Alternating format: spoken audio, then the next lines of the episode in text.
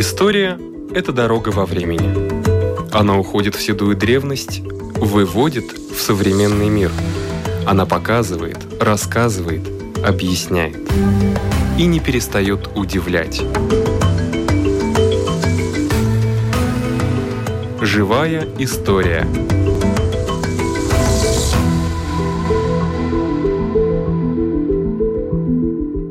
У микрофона Лидия Чера.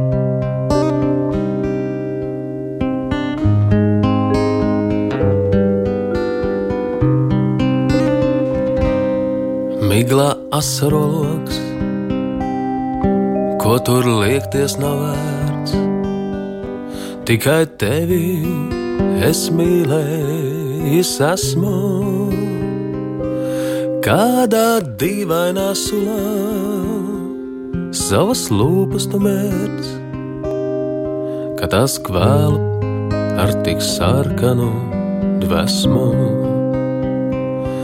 Kādā dīvainā sulā savas lūpas tu kad tas kvēl ar tik sarkanu dvēsmu.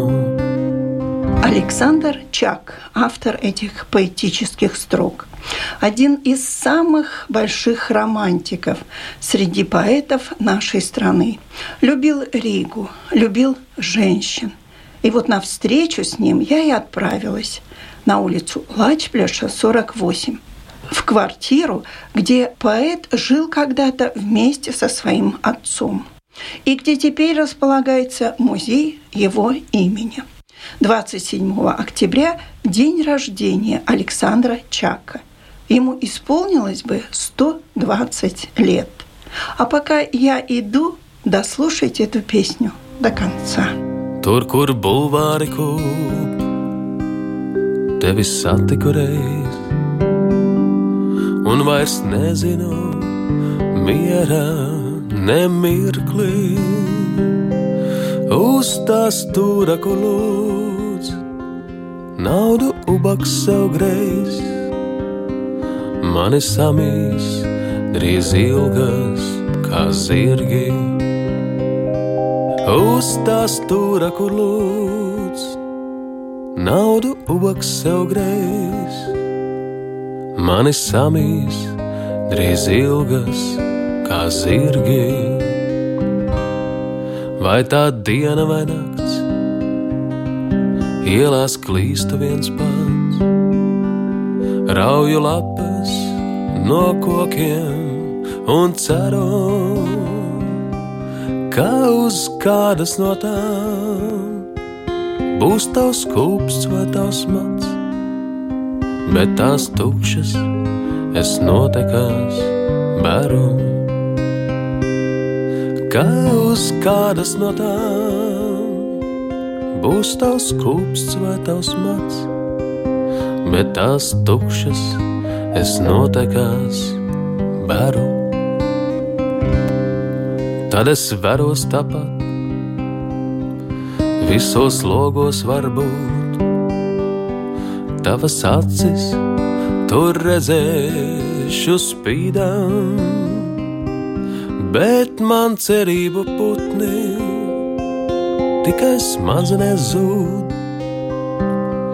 Jūtu mirkļus tik mūžībā krītam, bet man cerību putni tikai smadzenēs zūd.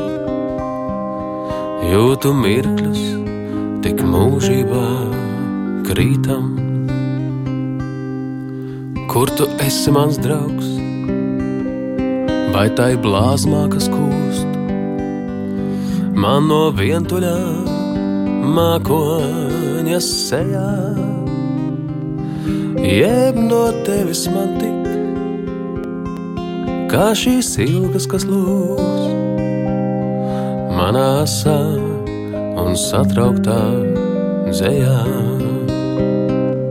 Jeb no tevis man tik, kā šīs ilgas, kas lūst manā asā un satrauktā dzējā.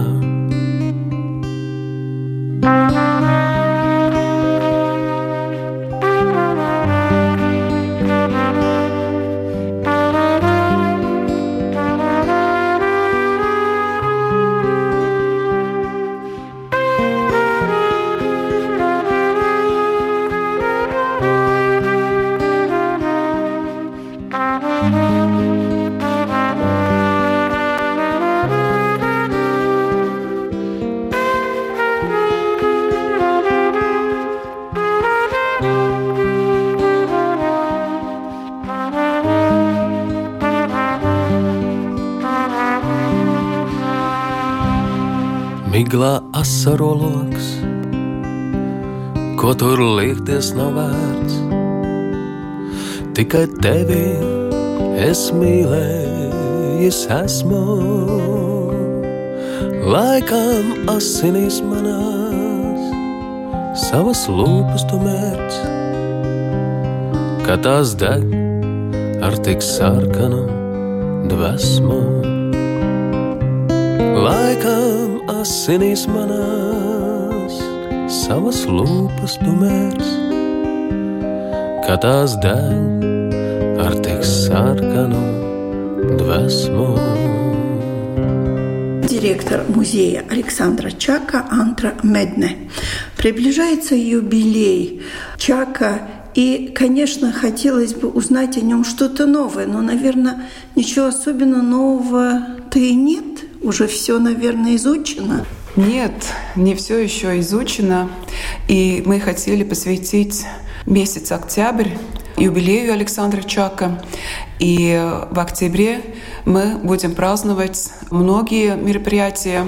И самый первый у нас уже начинается 1 октября. Это открытие выставки в зале Вецрига. Рейгас Максас Талпа называется. И в большом зале будет очень большая выставка. А художник Кристиан Бректе работает над выставкой. И мне тоже будет очень интересно посмотреть, взглянуть, как он, как артист, как художник, как он видит Александра Чака, что он увидел, что он почувствовал и э, какая будет выставка. Выставка длится до 21 ноября, так что почти два месяца. И в связи с выставкой мы бы хотели еще предложить литературные вечера. И это встречи с латышскими артистами, с латышскими поэтами, литературоведами. И эти литературные вечера будет вести моя коллега Андра Консте, которая уже очень многие годы работает в Энспилсе. И самое большое такое представление у нас будет, конечно, 27 октября. Это тоже день рождения? Это день рождения. И тогда будет присужден приз Александра Чака, поскольку э, Рижская дума раз в два года присуждает эти призы Александра Чака. И в этом году тоже, конечно, будет присуждение Александра Чака. Это такое большое мероприятие, поскольку в этом году не только у Александра Чака большой юбилей, юбилей еще и у друзей Александра Чака тоже, литераторов Павел Свилипс, Янис Гроц, тоже праздновали бы 120 в этом году. Но как-то их мы немножко забыли, и я бы хотела, чтобы 27 октября, когда мы встретимся с Чаком, с поэзией Чака и воспоминанием о Чаке, я бы хотела немножко и прикоснуться воспоминаниям о Виллипсе и Янсе Гроту. И еще праздник большой у отца Александра Чака. В октябре он бы праздновал 155-го день рождения.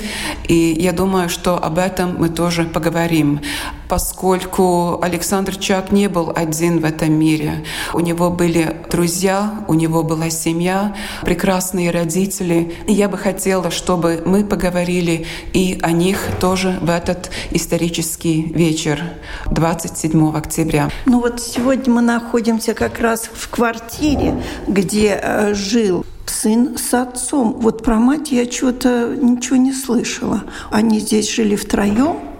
Мать Александра Чака Эмилия Лизета Чадараина умерла в 1936 году. И они тогда с отцом и с матерью жили по улице Марьес, 51. Но сегодня это Александра Чака, 51, квартира 4. Когда мать умерла, оба мужчины решили, что они просто не смогут, психологически не смогут остаться в этой квартире и задумали что-то поменять в своей жизни, поскольку в 1937 году уже у Александра Чака были деньги, его печатали, он работал, и они решили снять квартиру здесь, на улице Лачплыша, 48. Это самая большая квартира, в которой вообще Александр Чак в своей жизни проживал. Большая, четыре комнаты, просторная. И потом уже через э, пару лет здесь пришла и подруга Александра Чака, Анна Берзиня, которая в 1941 году стала женой, единственной женой Александра Чака. И в связи с этим в этом году мы 18 октября можем праздновать и 80-летие со дня женитьбы Александра Чака и Анны Берзини. Как много связано с октябрем у Александра Чака. Вот октябрь наступает, и наступают эти праздники. Но при всем при том, к сожалению, Чак не оставил потомства.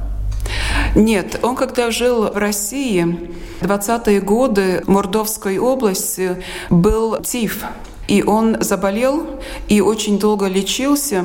И недавно разговаривали с коллегами с музея фармации, и я спрашивала, какими лекарствами их там лечили. И мои коллеги Некоторые из лекарств они знали, но не все. И когда Чак вернулся в Латвию в 1922 году, через два года, в 1924 году, у него выпали все волосы, и он почти потерял зрение.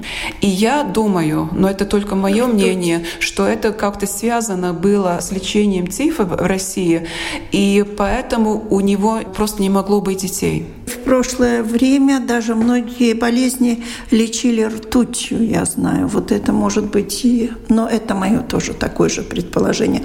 Но Чак был любвеобильным мужчиной, и ему нравились многие женщины. У него были же увлечения и до женитьбы, не знаю, как после. Конечно. И самое главное, что у Чака было, ему нравились очень красивые женщины. Если мы посмотрим фотографию до женитьбы и после женитьбы, все женщины рядом с Чаком очень-очень красивые. И главное, они были и умными. И... Сложное сочетание. Да. И даже во время женитьбы. У Чака были подруги, и самая известная из подруг, конечно, Милда Гринфелда, которой он посвятил и сборник стихов Дебес Судавана. Это как Подарок можем... небес. Да, подарок небес. Ну, прекрасное название, конечно. Но я бы хотела сейчас и рассказать еще о двух таких больших мероприятиях, которые еще будут у нас в октябре. 14 октября. Как мы знаем, по старому стилю Чак родился 14 октября. Да. И мы как-то хотели эту дату тоже отпраздновать. И 14 октября возле дома на Лачплэша 48 мы открываем барельеф художника Айвара Виллипсона, посвященному Александру Чаку. Очень-очень красивым будет. И я думаю, что этот будет как сюрприз, как подарок не только Чаку, но и всем рижанам. И еще хотела, воспользуясь случаем, поблагодарить фонд Бориса и Инара Тетеревы, которые помогли с финансированием этого барельефа. Так что 14 октября тоже милости просим 2 часа дня прийти на Лач Флеша 48, и мы вместе откроем и посмотрим, что художник Айвер Виллипсон сделал, какая была его идея и в памяти Александра Чака. Но мы не можем забывать еще одного большого события, и это перевод Александра Чака, поэма Александра Чака «Задетые вечностью», которые в этот год вышли в свет в России, в Санкт-Петербурге, переводом прекрасной переводчицы Ольги Петерсон. Цикл поэм задетой вечностью. Конечно, очень сложная и очень спорная работа, но тем не менее интерес российских читателей прекрасен, и все книги, которые еще даже не вышли, уже почти проданы, и очередь выстроилась в России, чтобы заиметь свою библиотеку и на русском языке поэмы «Задетые вечностью» Александра Чака. Я не поверю, что вы не знаете, что будет на выставке 1 октября. Наверняка какие-то фотографии. Да, на выставке самая такая главная идея была пойти по адресам, где в Риге, в Эстонии, в России жил и работал Александр Чак. Это будет какая-то схема путешествия. И выставка называется «От Александра до Чака. От ребенка до взрослого мужчины, который что-то в своей жизни уже достиг, который нашел свое место в литературе, латышской литературе. И чтобы было легче воспринимать эту выставку, мы решили сделать какие-то остановки по адресам, где жил Александр Чак со своей семьей. В Риге эти адреса шесть или семь, но мы взяли и Виру. В то время, когда Александр Чак жил в Эстонии, этот город назывался Верраба. И там один адрес на улице Семинара один. И, конечно, взяли и Россию, город Саранск, улица Троицка, 22, где Александр Чак проживал со своими родителями во время Первой мировой войны. Хотелось бы представить его как живого человека. Как вы считаете, он был веселым, оптимистом или пессимистом? Или он был занудой и перфекционистом? Вот как вы его видите? Я думаю, что у Александра Чака был весь спектр эмоций, я могу судить только по воспоминаниям друзей, по его дневниками, маленькими такими блокнотиками, где он что-то писал. И я думаю, что он был маленький мальчик, довольно одинокий, у него не было ни братьев, ни сестер. Один он рос, учился в хороших школах, об этом позаботились родители, конечно. Сначала в немецкой школе, потом в школе с русским языком обучения. И у него не было школьных друзей. Немного таких друзей, поскольку он пошел в школу, учился, вечером домой, опять учился. И он не оставил таких воспоминаний о своих друзей в детстве. Мы немного знаем о друзей, одноклассников в России.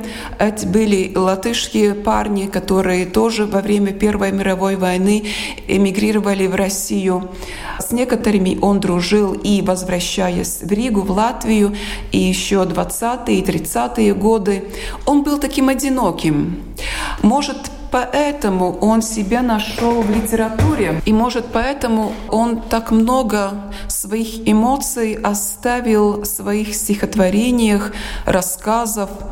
И эти прекрасные женщины, которые были вокруг его всю его жизнь, тоже очень эмоциональные, а не только красивые, я уже сказала, очень умные женщины. Ему надо было с кем не только целоваться, но и с кем поговорить. Это было важно.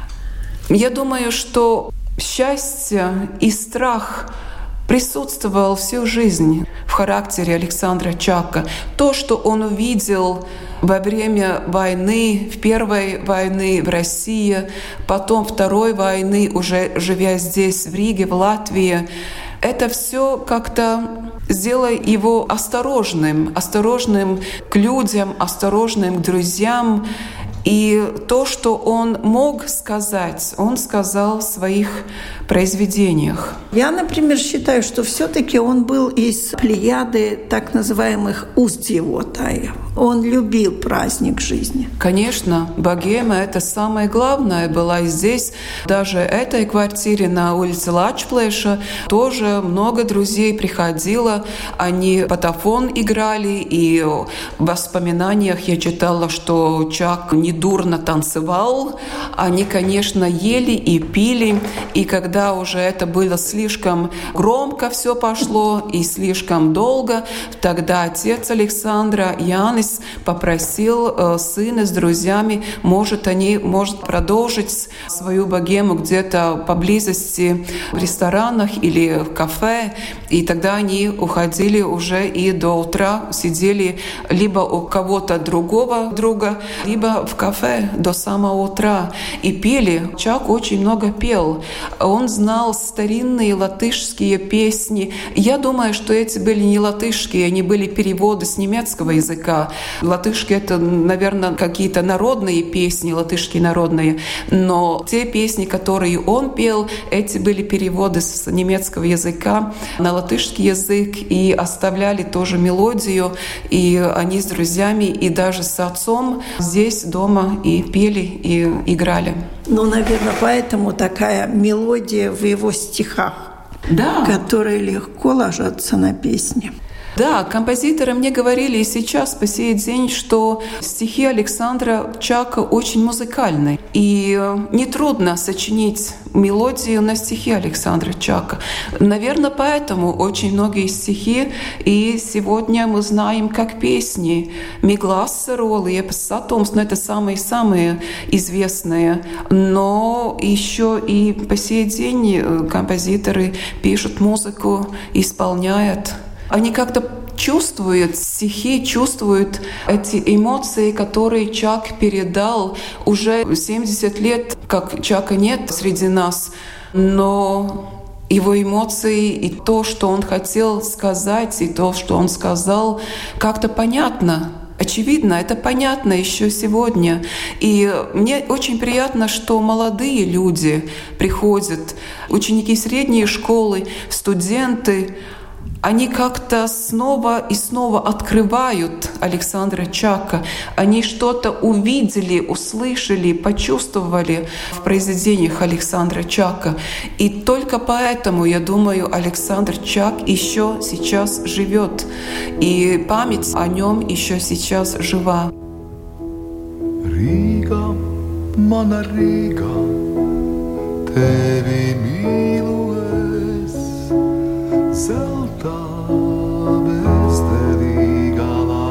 šūpoles, zelta bezdelīgā laimes šūpoles, cik daudz skarbu moku izcietusi tu, dod man savu roku, lai to noskūpstu,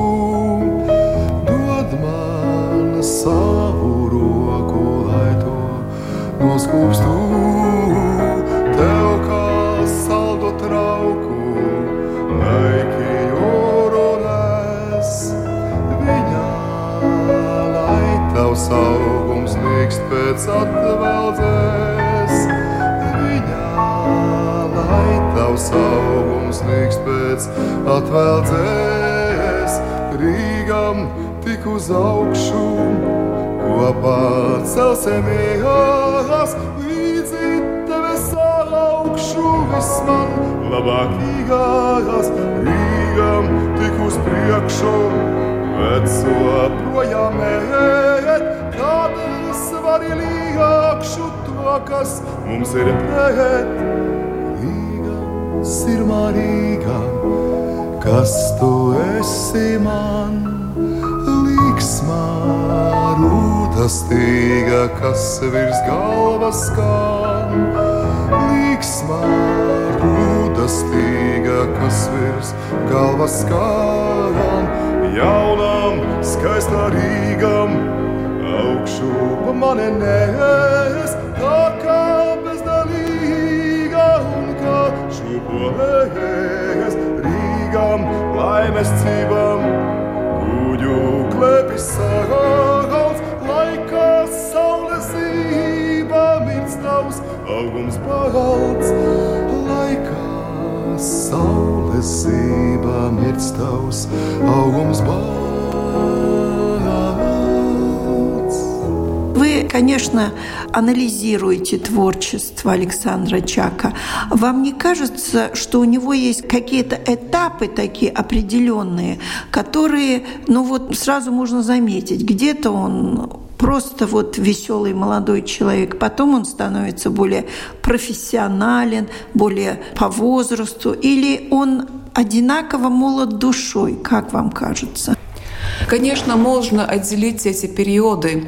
Если мы возьмем сборник стихов Мана Парадиза, «Мой рай», это юношеские стихи. Он себе еще ищет как поэта. И может поэтому этот сборник стихов так популярен еще сейчас. Это как бы он только в пути. Да. Он еще не знает, куда он идет и куда приведет этот путь его.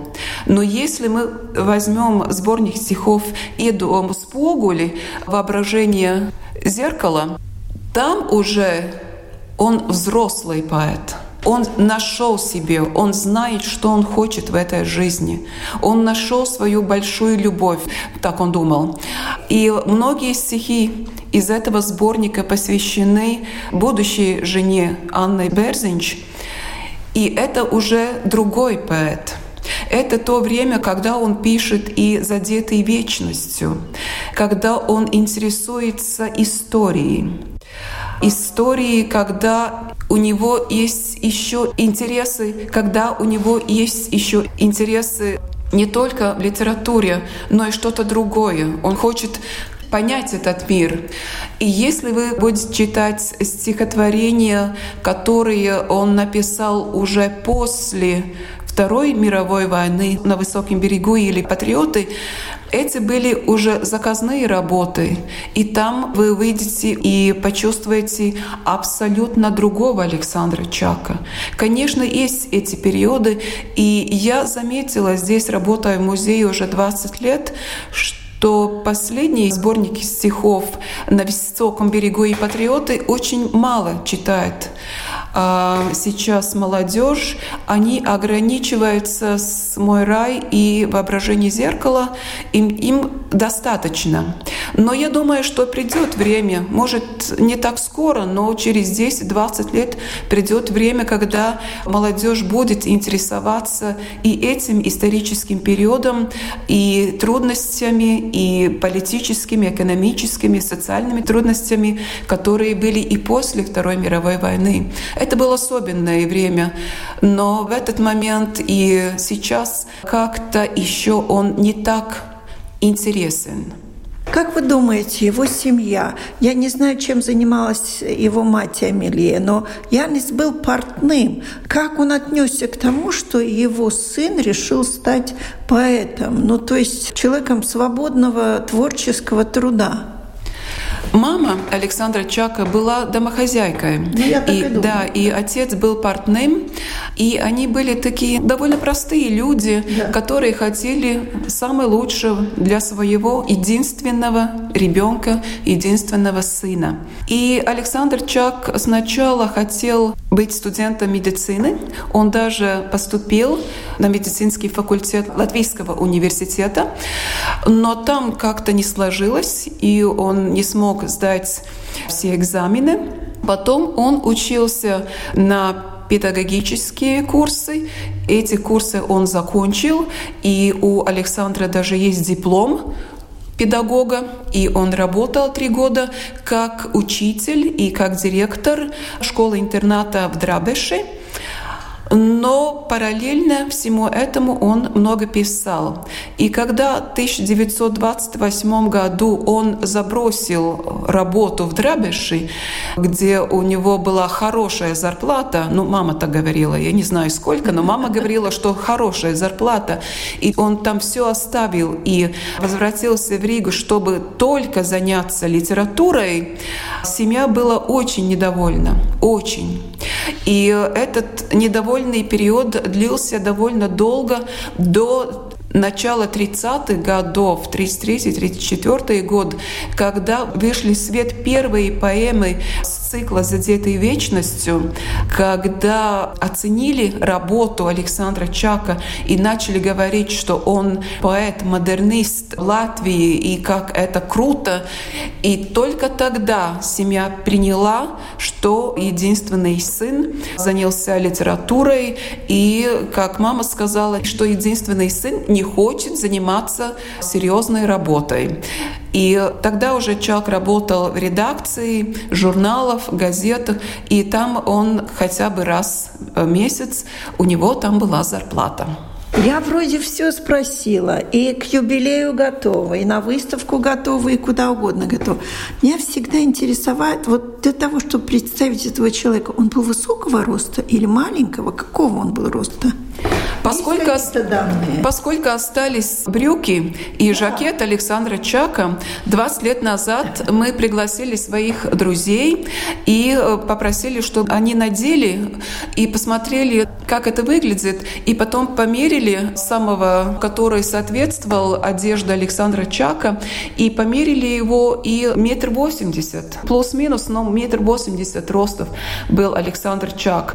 Ну, не маленький. Нет, не маленький. Друзья были меньше Александра Чака. Он не маленький был, да.